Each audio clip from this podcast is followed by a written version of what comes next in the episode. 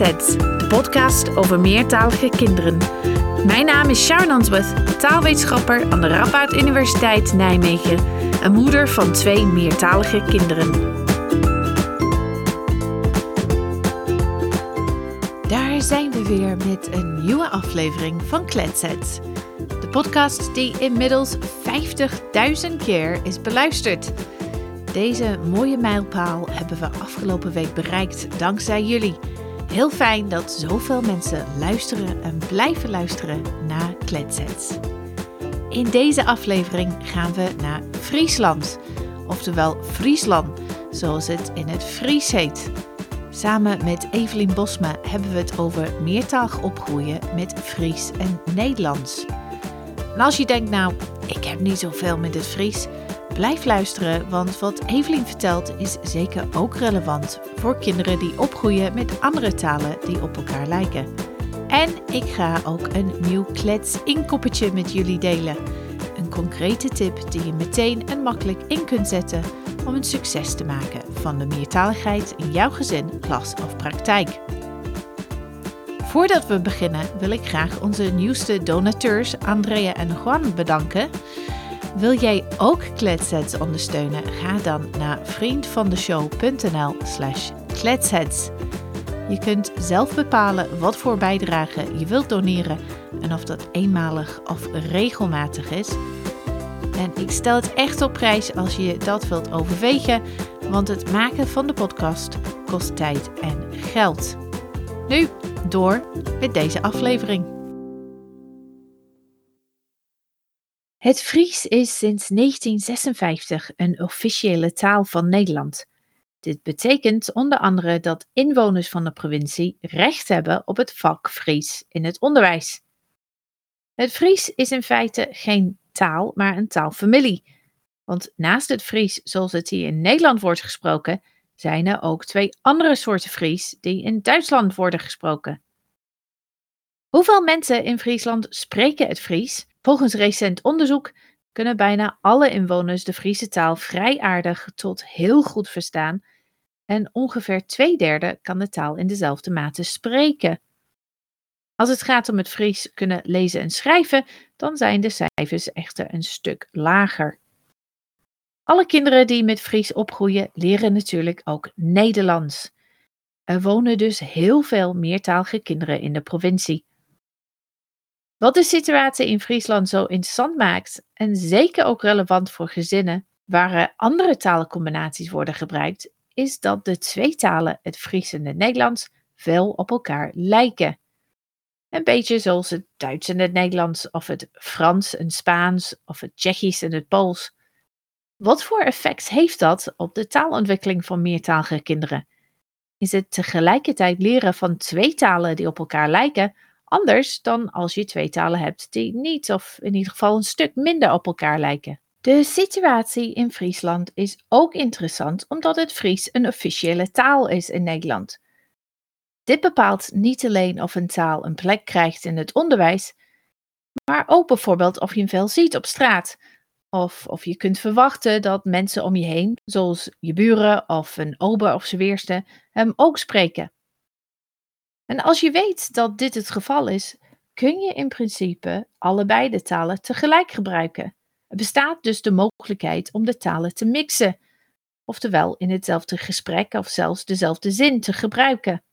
Ook daar gaan we het in deze aflevering over hebben. En dat doen we met Evelien Bosma, onderzoeker aan de Frieske Academie in Leeuwarden. Evelien is zelf in Friesland opgegroeid met Nederlands als thuistaal en Fries op school. De opname vond online plaats en werd helaas geteisterd door allerlei internetproblemen. Dit betekent dat de geluidskwaliteit niet optimaal is, maar hopelijk stoort dat jullie luisterplezier niet. Voor de buitenstaanden, zoals ik, lijken de Friese heel trots te zijn op hun taal en cultuur. Ik vroeg aan Evelien of je dit ook terugziet in de taalkeuzes die gemaakt worden als het gaat om welke taal ouders met hun kinderen spreken? Ja, voor een deel wel, voor een deel ook niet. Ja, we zien dat uh, in de provincie Friesland groeit ongeveer nou, bijna de helft van de kinderen op met het uh, Fries als moedertaal. Mm de kans om uh, het Fries als moedertaal te krijgen is het grootst als beide ouders Fries spreken. Ongeveer 90% van de gevallen wordt er dan Fries gesproken. Mhm. Maar zodra kinderen ouders hebben waarvan de een Friestalig is en de ander Nederlandstalig, dan wordt de voertaal thuis toch vaker Nederlands. En dan is het nog maar in ongeveer 30% van de gevallen dat de voertaal Fries is. Ja, dus uh, wil je het Fries doorgeven, moet je een baby gaan maken met een andere Friestalige persoon. Ja, ja, zo lijkt het wel een beetje. Ja, of je moet heel erg standvastig zijn, denk ik. Heel erg uh, ja. overtuigd zijn dat je dat wil doen. En ik denk ook dat het goed is als mensen dat doen. Ik vind het zelf wel uh, zonde als mensen, zeker als mensen allebei Friestalig zijn en onderling ook Fries spreken, als we dan verkiezen om dat niet tegen hun kinderen te spreken. Want er is eigenlijk geen reden om dan geen Fries tegen je kinderen te praten. Want het heeft gewoon geen, geen nadelige gevolgen, ook niet voor het Nederlands. Alle kinderen in Friesland leren gewoon heel goed Nederlands. Ja, dus gewoon doen. Dus dat is de situatie in het gezin. En als we het hebben over het onderwijs, want ik zei net, Fries is een verplichte vak op school. Inwoners hebben de, de recht op het vak in, in het Fries. Dus wat betekent dat voor het onderwijs in Friesland? Betekent het dat alle scholen tweetalig zijn? En geldt dit ook voor middelbare als basisschool? Hoe zit het met kinderopvang? Ja, nou, het betekent niet dat alle scholen tweetalig zijn. Maar er zijn wel heel veel scholen, en dat zijn er ook steeds meer, waar er wel heel veel aandacht is voor het Fries. Mm -hmm. Het is dus, omdat het een officiële taal is, de afspraak is dat alle scholen het minimaal één uur per week moeten aanbieden als vak. Maar er zijn ook heel veel scholen in de provincie die het Fries ook als voertaal gebruiken, als instructietaal in het onderwijs. En wat wel interessant is, er zijn in Friesland een heleboel scholen die drietalig zijn. Mm -hmm. Met het Fries en het Nederlands, maar dan komt het Engels er ook bij. En dan worden die drie talen alle drie als instructietaal gebruikt. En de richtlijn is dan een beetje 20% Engels en dan 40% Fries en ook 40% Nederlands. En het zijn momenteel ongeveer 70 basisscholen die officieel erkend zijn als een drietalige school. Op de middelbare school zijn er wel een stuk minder scholen die uh, meertalig zijn. Mm -hmm. uh, maar er zijn momenteel zes locaties voor meertalig voortgezet onderwijs in Friesland. En daar wordt ook het Fries, het Engels en het Nederlands als instructietaal gebruikt. En op de kinderopvang zien we dat ongeveer de helft van alle locaties is ongeveer tweetalig. Dat is best veel. Ja, dat is best wel veel. Ja, ja en ik weet dat je eindexamen kunt doen in het Fries, toch? Ja. Want ik weet je hoe ik dat weet? Omdat ik, het is wel een tijdje terug, maar ik krijg ineens uit, uit de niks gewoon een bericht dat ik geld zou krijgen omdat een artikel dat ik ooit heb geschreven voor, de, voor het blad Onze Taal over meertaligheid, dat die vertaald was naar het Fries en gebruikt in het eindexamen. Oh, wow. Ja. Ja, dat vond ik, ja, dat vond ik echt super cool. Maar goed, dus er is best wel onderwijs in het Fries. En de opvang, zei je net, de helft geven ook opvang of zorg voor opvang in het Fries. Wat weten we over de taalontwikkeling van kinderen in het Fries? Gaat het goed? Nou ja, we zien dat in Friesland leren eigenlijk alle kinderen uiteindelijk gewoon heel goed Nederlands. Mm -hmm. Nederlands is natuurlijk, ja, het is toch uiteindelijk wel de dominante taal. Op school en in de maatschappij. Dus alle kinderen leren heel goed Nederlands. Maar eigenlijk alleen de kinderen die thuis van huis uit Fries meekrijgen, die leren ook goed Fries. En dat is dan vooral spreken en verstaan. Dus lezen en vooral ook schrijven in het Fries. Ja, omdat er gewoon op school veel minder aandacht voor is dan, dan in het Nederlands, blijft dat wel heel erg achter. Ja, en hoe zit het dan met kinderen zoals jij eigenlijk? Want jij hoorde Nederlands thuis en Fries op school. Dus hoe gaat het met jouw Fries? Ja, ik uh, ben inderdaad opgegroeid bij uh, twee Nederlandstalige ouders. En ik was vijf toen wij in Friesland kwamen wonen. En ik heb dat, dat destijds op school en in het dorp geleerd. Maar ik heb het toen nooit gesproken. Ik kon wel alles uh, begrijpen. Ja. Ik ben pas op 1 mei 2013 echt Fries gaan spreken. Dat, ik bij de Friese Academie kwam werken. Oh, echt? Um, ik doe dit gewoon. En mensen zeiden wel van, oh ja, je kunt wel horen dat je een tijdje weg geweest bent. Maar ze hadden niet door dat het überhaupt niet, dat ik het überhaupt nog nooit echt gesproken had. Maar ja, ik bedoel, dat leer je snel. Er was genoeg mogelijkheden om de Friese Academie en mijn Fries te oefenen. Ja. Dus, ja, nu gaat het hartstikke goed. Ja, ik denk dat het ook een mooi verhaal is voor ouders die denken, oh, mijn kinderen die praten mijn taal niet. Maar jij hebt uh, ja, laten zien dat als het uh, in je hoofd zit en je later de mogelijkheid krijgt om het echt te gaan gebruiken. Het zat inderdaad wel echt ergens. Maar het moest een beetje opgehaald worden. En ja, met een beetje oefening uh, ging dat eigenlijk best wel goed. Ja, ja. Ik zei in de inleiding, het Fries en het Nederlands, die lijken best veel op elkaar. Hè? En net zoals het Duits en het, het Nederlands of het uh, Frans en het Spaans kunnen allerlei verschillende combinaties gaan noemen. Dat betekent onder andere dat er veel woorden zijn die op elkaar lijken en ook hetzelfde betekenen. Bijzondere woorden in de taalkunde, cognaten heten ze. Daar hebben we het ook wel eerder over gehad in Kletset. Maar hoeveel is dat echt zo dat het Fries op het Nederlands lijkt? Kun je begrijpen? Bijvoorbeeld als je Nederlands en Engels of een beetje Duits hebt? Nou ja, als je Nederlands spreekt uh, en je doet een beetje moeite, dan kun je het Fries vrij goed verstaan. Er zijn wel verschillende onderzoeken die dat inderdaad ook laten zien. Dat het voor Nederlandstaligen goed te verstaan en te lezen is. Er zijn onderzoeken die laten zien dat het wel voor 70 à 80 procent te begrijpen is. Aha. Um, gesproken Fries en geschreven Fries. Dus ja, dat is best wel veel. Ja. Ja. Dat komt, uh, ja, er is veel overlap tussen het Fries en het Nederlands in de woordenschat en de grammatica. Je noemde al die cognaten die qua betekenis en uh, vorm op elkaar lijken. En wat ook bijzonder is aan het Fries en het Nederlands, is dat er regelmatigheden in de taal zitten. Je hebt bijvoorbeeld het Friese woord haan, dat betekent hand. En het Friese woord strand betekent strand. En zo heb je ook nog laan, land, baan, band. Dus alle woorden die in het Fries op aan eindigen, die eindigen in het Nederlands op ant. Nou ja, als je dat eenmaal een beetje door hebt, dan kun je die taal dus uh, makkelijker begrijpen. En zo heb je een heleboel regelmatigheden. Je hebt bijvoorbeeld ook skip, schip, skep, schep, schroef, schroef. Nou ja, als je dat een beetje door hebt, dan wordt het makkelijker. En ik heb in mijn onderzoek hier ook naar gekeken. Ja. Dan blijkt inderdaad als ja, kinderen thuis niet zoveel uh, Fries horen. We hebben dan onderzoek gedaan naar hoe goed ze het Fries kunnen begrijpen. Dan blijkt dat hoe meer de woorden tussen het Fries en het Nederlands op elkaar lijken, hoe beter ze het snappen. Mm -hmm. Door de tijd heen gaan kinderen inderdaad die uh, regelmatigheden tussen die twee talen ook leren. Dus on onbewust of? Ja, onbewust. Dus uh, ja, we hebben niet verteld aan ze dat die regelmatigheden bestaan. Maar we zagen in ons onderzoek dat ze dat door de tijd heen dus oppikken. Ja, dus het, het helpt dan, die Ja. overeenkomsten. Ja. Ja, en wat betekent dat? Wat vertelt het ons over meertaligheid?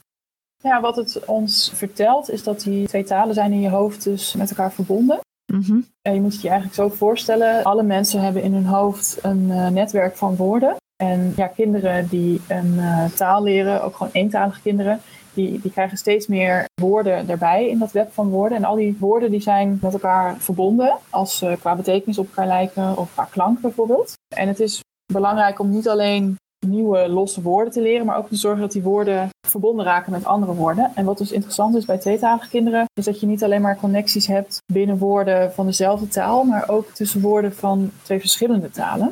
En ja, dat laten die cognaten dus ook zien. Dus die woorden die dan hetzelfde betekenen en qua vorm op elkaar lijken, die zijn in je hoofd met elkaar verbonden. En daardoor kunnen, kunnen kinderen dus ook makkelijker nieuwe woorden leren als die lijken op de woorden in hun andere taal.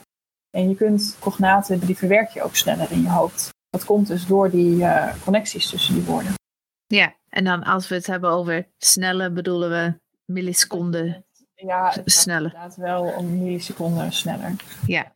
Dus misschien niet iets dat je, waar, dat je in, in de praktijk merkt, maar toch wel super interessant, want het, dit geeft ons inzicht in hoe de twee talen in je hoofd opgeslagen. Nou ja, ik denk dat je het toch ook in de praktijk wel enigszins kunt merken. Want we hebben bijvoorbeeld een onderzoek gedaan waarbij kinderen zinnen moesten lezen in het Fries en in het Nederlands. Mhm. En daarin hadden we een deel van de woorden was helemaal hetzelfde tussen de twee talen. Dus dat zijn dan ja, identieke cognaten noemen we dat dan. Bijvoorbeeld poes en poes, dat is in beide talen hetzelfde. En je hebt ook niet-cognaten zoals kind en fan is dat in het Fries. Mhm. En woorden die een beetje overlappen zoals haan en hand. En wat we zagen was dat als kinderen in het Fries lezen, en dat is de, hun niet-dominante leestaal, want alle kinderen in Friesland leren lezen in het Nederlands. Dus dat wordt een dominante leestaal. En we zagen in het Fries dat ze hun kennis van het Nederlands gebruiken. Dus wat we zagen was dat ze die identieke cognaten, die dus in het Fries en het Nederlands precies hetzelfde zijn, zoals poes en poes, dat ze die eh, veel sneller lazen dan ja, woorden zoals han en ben, waarbij dus of maar gedeeltelijk overlap is of helemaal niet. En ik denk dat dat, dat was best wel een groot effect. Mhm. Dat, dat merk je ook wel zelf, denk ik, als je een Friese tekst leest. Dus ik denk dat dat wel iets is waar je je ook wel ehm, bewust van kunt zijn als je als, je als Nederlandstalige of als iemand die niet heel goed Fries kan een Friese tekst leest, dat je wel echt je Nederlands gebruikt. Ja. Om die taal sneller te verwerken in je hoofd. Ja, ja. En ik ben benieuwd, wat zijn verschillen ook tussen woorden zoals Bern en Han? Gaat het echt om dat ze precies hetzelfde zijn, dus die identieke cognaten, of gaat het om dat ze een beetje op elkaar lijken? We hadden eigenlijk verwacht dat er ook wel een klein voordeel zou zijn voor woorden die een beetje op elkaar lijken, maar dat hebben we niet gevonden. Dus we zagen alleen dat uh, woorden zoals poes, die helemaal hetzelfde zijn, dat die sneller gelezen worden dan die andere twee type woorden. Ja. Poes werd sneller gelezen dan Han en poes werd ook sneller gelezen dan Ben. Maar we vonden geen verschil tussen Han en Ben. Ja, ik vind het grappig, want ik heb een tijdje, of ik heb eigenlijk gestudeerd in het noordoosten van Engeland, in uh, Newcastle. Mm -hmm. En daar zeg je in het dialect, daar zeg je ook Ben voor kind.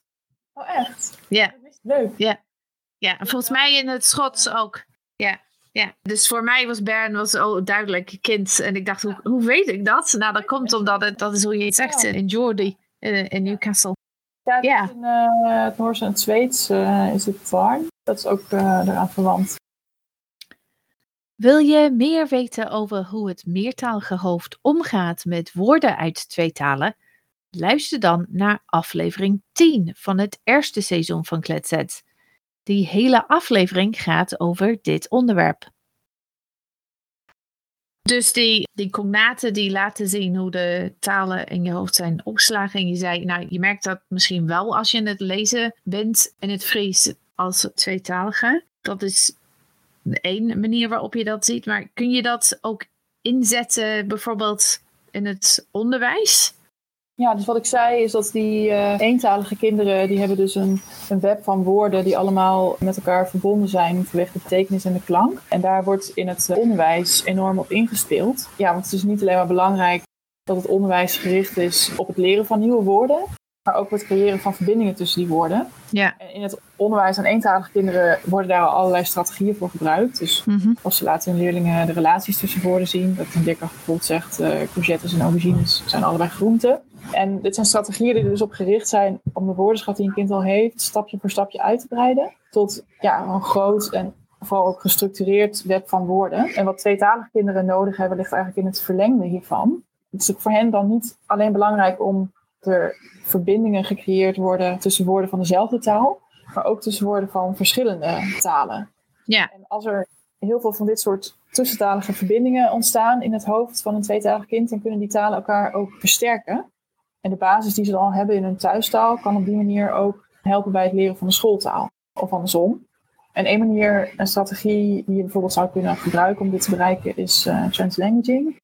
Ik geloof dat je daar, heb je eerder ook een aflevering. Ja, we hebben een hele, hele aflevering daarover en uh, we hebben het veel over gehad. Maar vertel eens even dan hoe, hoe je dat zou doen. Want dit geldt natuurlijk niet ja. alleen voor kinderen die Fries thuis spreken. Dat kan je ook uh, voor andere talen. Ja, inderdaad. Dus het geldt uh, eigenlijk ja, voor alle kinderen die meertalig zijn, zou je dit kunnen gebruiken.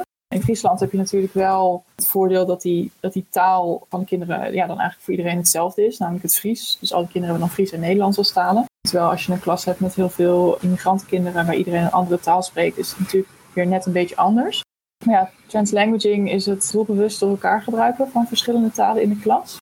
Mm -hmm. en, ja, dat kun je op allerlei manieren eigenlijk inzetten. Je kunt daar heel eenvoudig beginnen door kinderen in de klas bijvoorbeeld te vragen hoe ze een bepaald concept in hun eigen taal zouden benoemen. Of je zou kinderen posters kunnen laten maken met woorden uit verschillende talen. En hiervoor hoeft de leerkracht ook niet per se zelf alle thuistalen van die kinderen te kennen. Maar het gaat erom dat een leerkracht dus aandacht heeft voor die thuistalen van de kinderen en het ook ja, inzet als hulpmiddel eigenlijk. Nou ja, je kunt er natuurlijk ook verder in gaan door, door kinderen te laten overleggen in hun uh, thuistaal onderling. Of door kinderen ook te laten lezen en schrijven in hun thuistaal. Yeah. Vervolgens te laten presenteren in de schooltaal. Dus ja, je kunt eenvoudig beginnen en dat dan steeds verder uitbouwen. Ja. Ja. We laten het gesprek met Evelien nu even om naar een nieuw klets-inkoppertje te luisteren. Een concrete tip die je meteen en makkelijk in kunt zetten om een succes te maken van de meertaligheid in jouw gezin, klas of praktijk. Klets inkoppertje.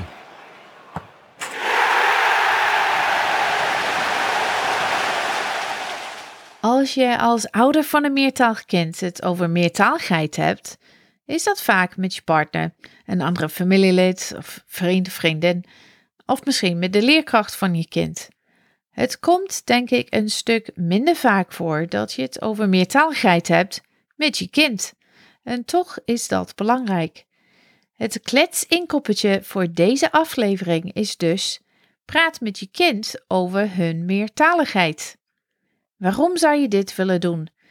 Volgens Eowyn Crisfield, auteur van mijn lievelingsboek over meertalig opvoeden, is het praten van je kind over hun meertaligheid een belangrijk deel van family language planning, van het meertalig opvoeden dus.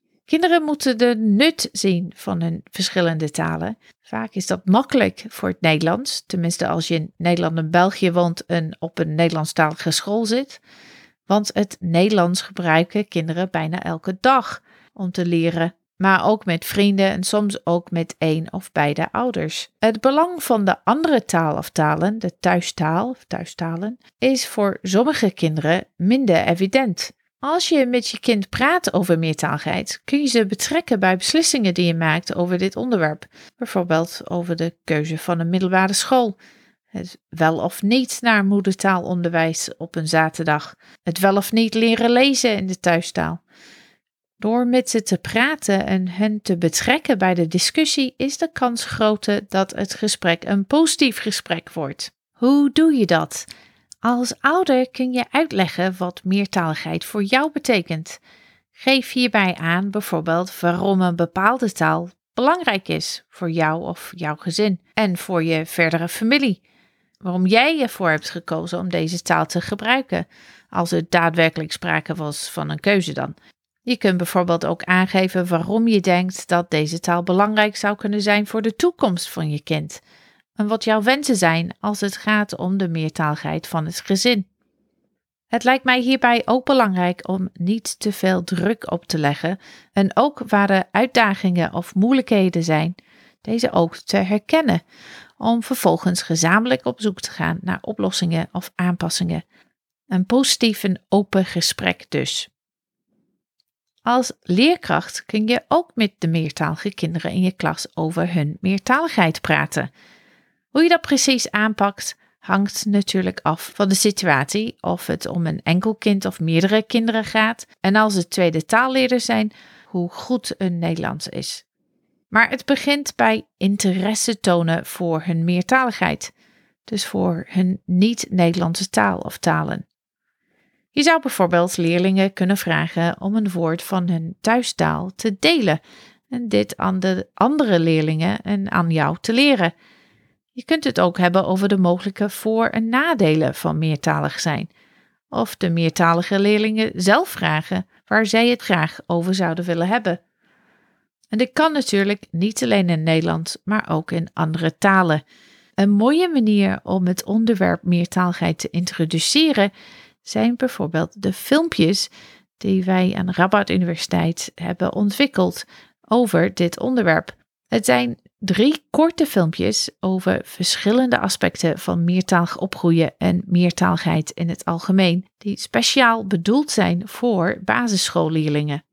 De filmpjes zijn beschikbaar in het Nederlands, Engels, Pools, Turks en Arabisch. De link staat in de show notes. Dat was dus het kletsinkoppetje voor deze aflevering. Praat met je meertalig kind over hun meertaligheid. Klets inkoppertje.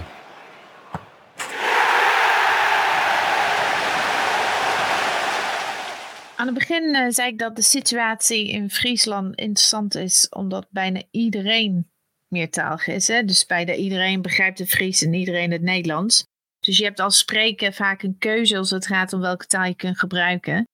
Je kunt een volledig tweetaal gesprek voeren eigenlijk, waarbij de ene persoon in Fries en de andere in het Nederlands. Je kunt binnen een gesprek van taal afwisselen, afhankelijk van het onderwerp vermoed ik. En je kunt natuurlijk ook binnen een zin de twee talen mixen of mengen.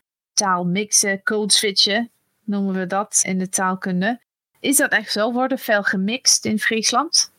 Ja, er wordt wel veel gemixt. En vooral ja, voor mensen die um, Fries spreken is het heel normaal om in een Fries een heleboel Nederlandse woorden te gebruiken. Andersom is het niet het geval. Dus als je Nederlands spreekt, dan is het ja, niet uh, gangbaar om daar een heleboel Fries in te gooien. Maar mensen die Fries spreken, ja, die gooien daar een heleboel Nederlands in. Het is wel een beetje een lastige vraag. Is dit dan inderdaad code switching of niet? Want een heleboel Nederlandse woorden zijn gewoon in de Friese spreektaal gewoon ook heel gangbaar geworden.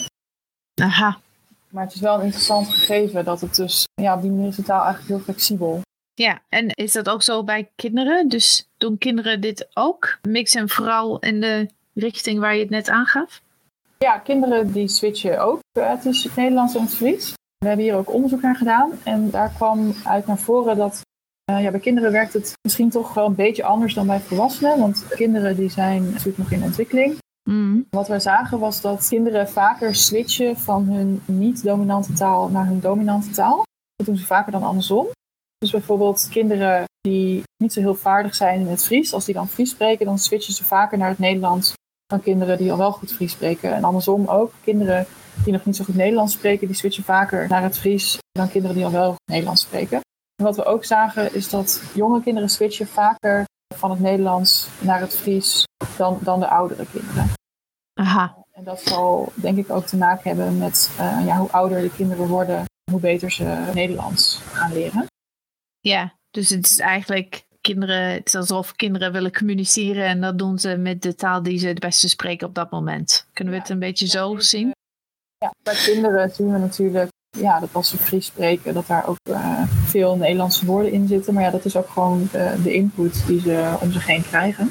Ja, en hoe kijken mensen daarna eigenlijk? Want, nou ja, volgens mij is dit een onderwerp waar er heel verschillende meningen over zijn. Dus sommige mensen zeggen van, nou weet je, mixen hoort gewoon bij als je meertalig bent. Niks aan de hand.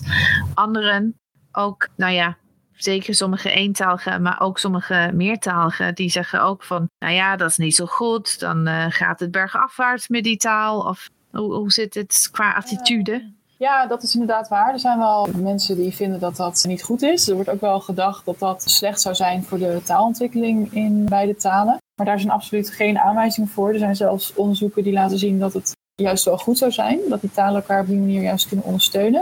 Er is nog niet, voor zover ik weet, nog niet enorm veel onderzoek naar gedaan. Dus het is iets wat ook verder nog uitgezocht moet worden. Ja. Maar ja, het, is, het lijkt erop dat het niet slecht is. Ja. En het idee dat je die twee talen gescheiden, zoveel mogelijk gescheiden moet houden. Nou ja, we hadden het zo net over die uh, connecties tussen de woorden in je hoofd.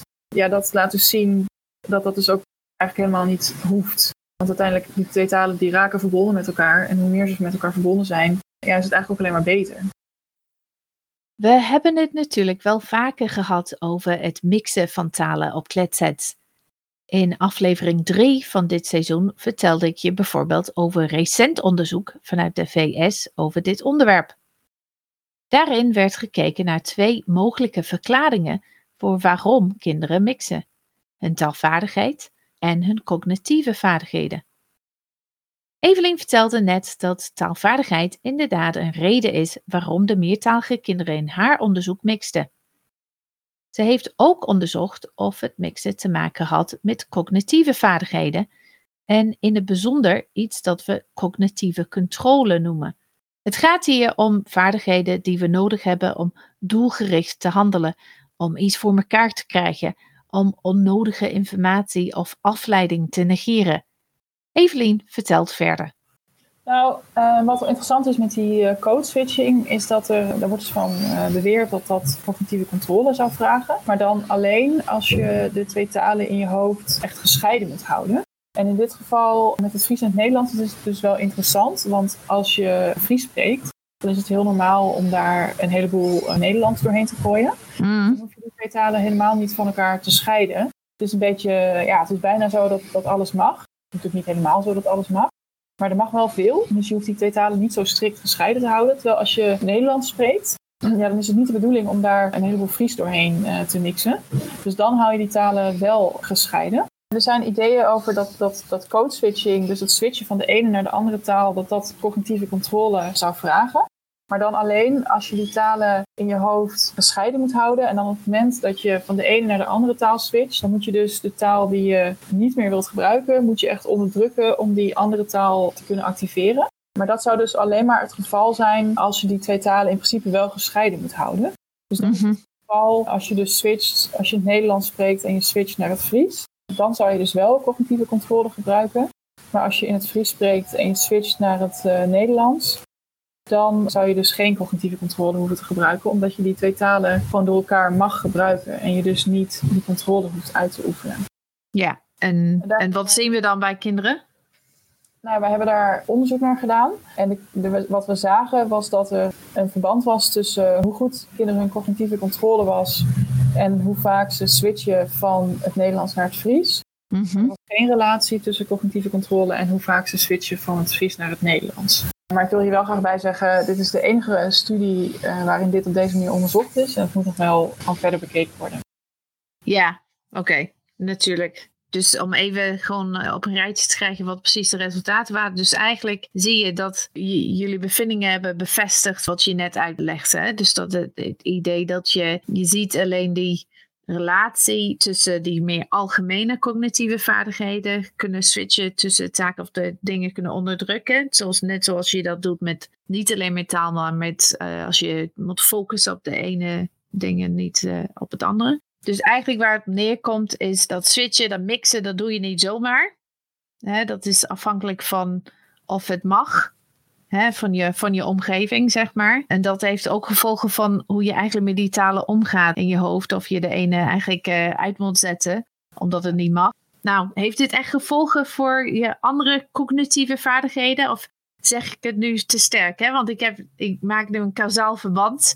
Omdat je dat doet, dan zie je dit bij de cognitieve vaardigheden. Ik denk dat jij dat niet wil zeggen. Nee, ik ben er heel voorzichtig in. Ja, nee, uh, groot gelijk heb je. Maar het is wel interessant om te zien dat er een relatie is tussen die twee dingen. En zoals je zei, of dat echt bij andere groepen ook geldt. En bij andere leeftijden, andere talencombinaties. En of we inderdaad zo'n causale verband kunnen vinden ooit. Dat is wel voor onderzoek uh, in de toekomst. Dat was het voor deze aflevering van Kletsets. Ik wil Evelien bedanken voor het fijne gesprek en voor haar geduld met alle internetproblemen die we hadden.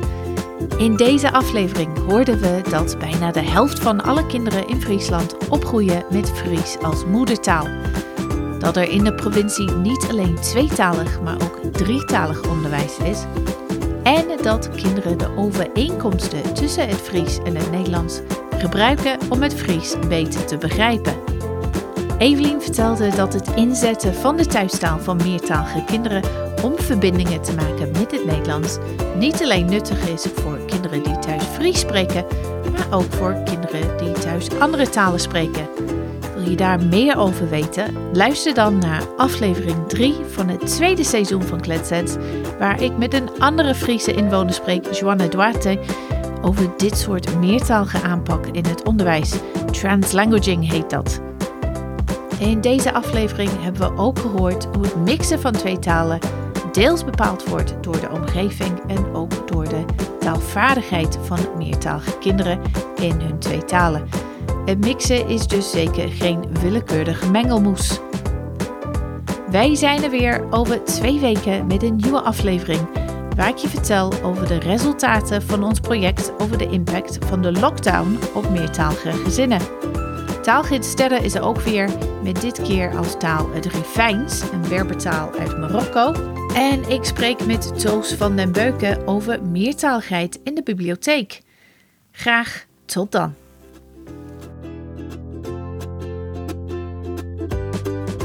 Wil je meer weten over Kletsets? Ga dan naar www.kletsetspodcast.nl. Daar vind je ook meer informatie over deze aflevering. Wil je geen aflevering missen? Abonneer je dan op Kletsets via je favoriete podcast-app. Kletsets vind je ook op Facebook, Twitter, Insta en LinkedIn. Onze naam uit KletsetsNL. Ken je iemand die de podcast misschien leuk vindt en die hem nog niet kent? Dan zou ik het heel fijn vinden als je hem zou delen. Bedankt voor het luisteren en graag tot de volgende keer.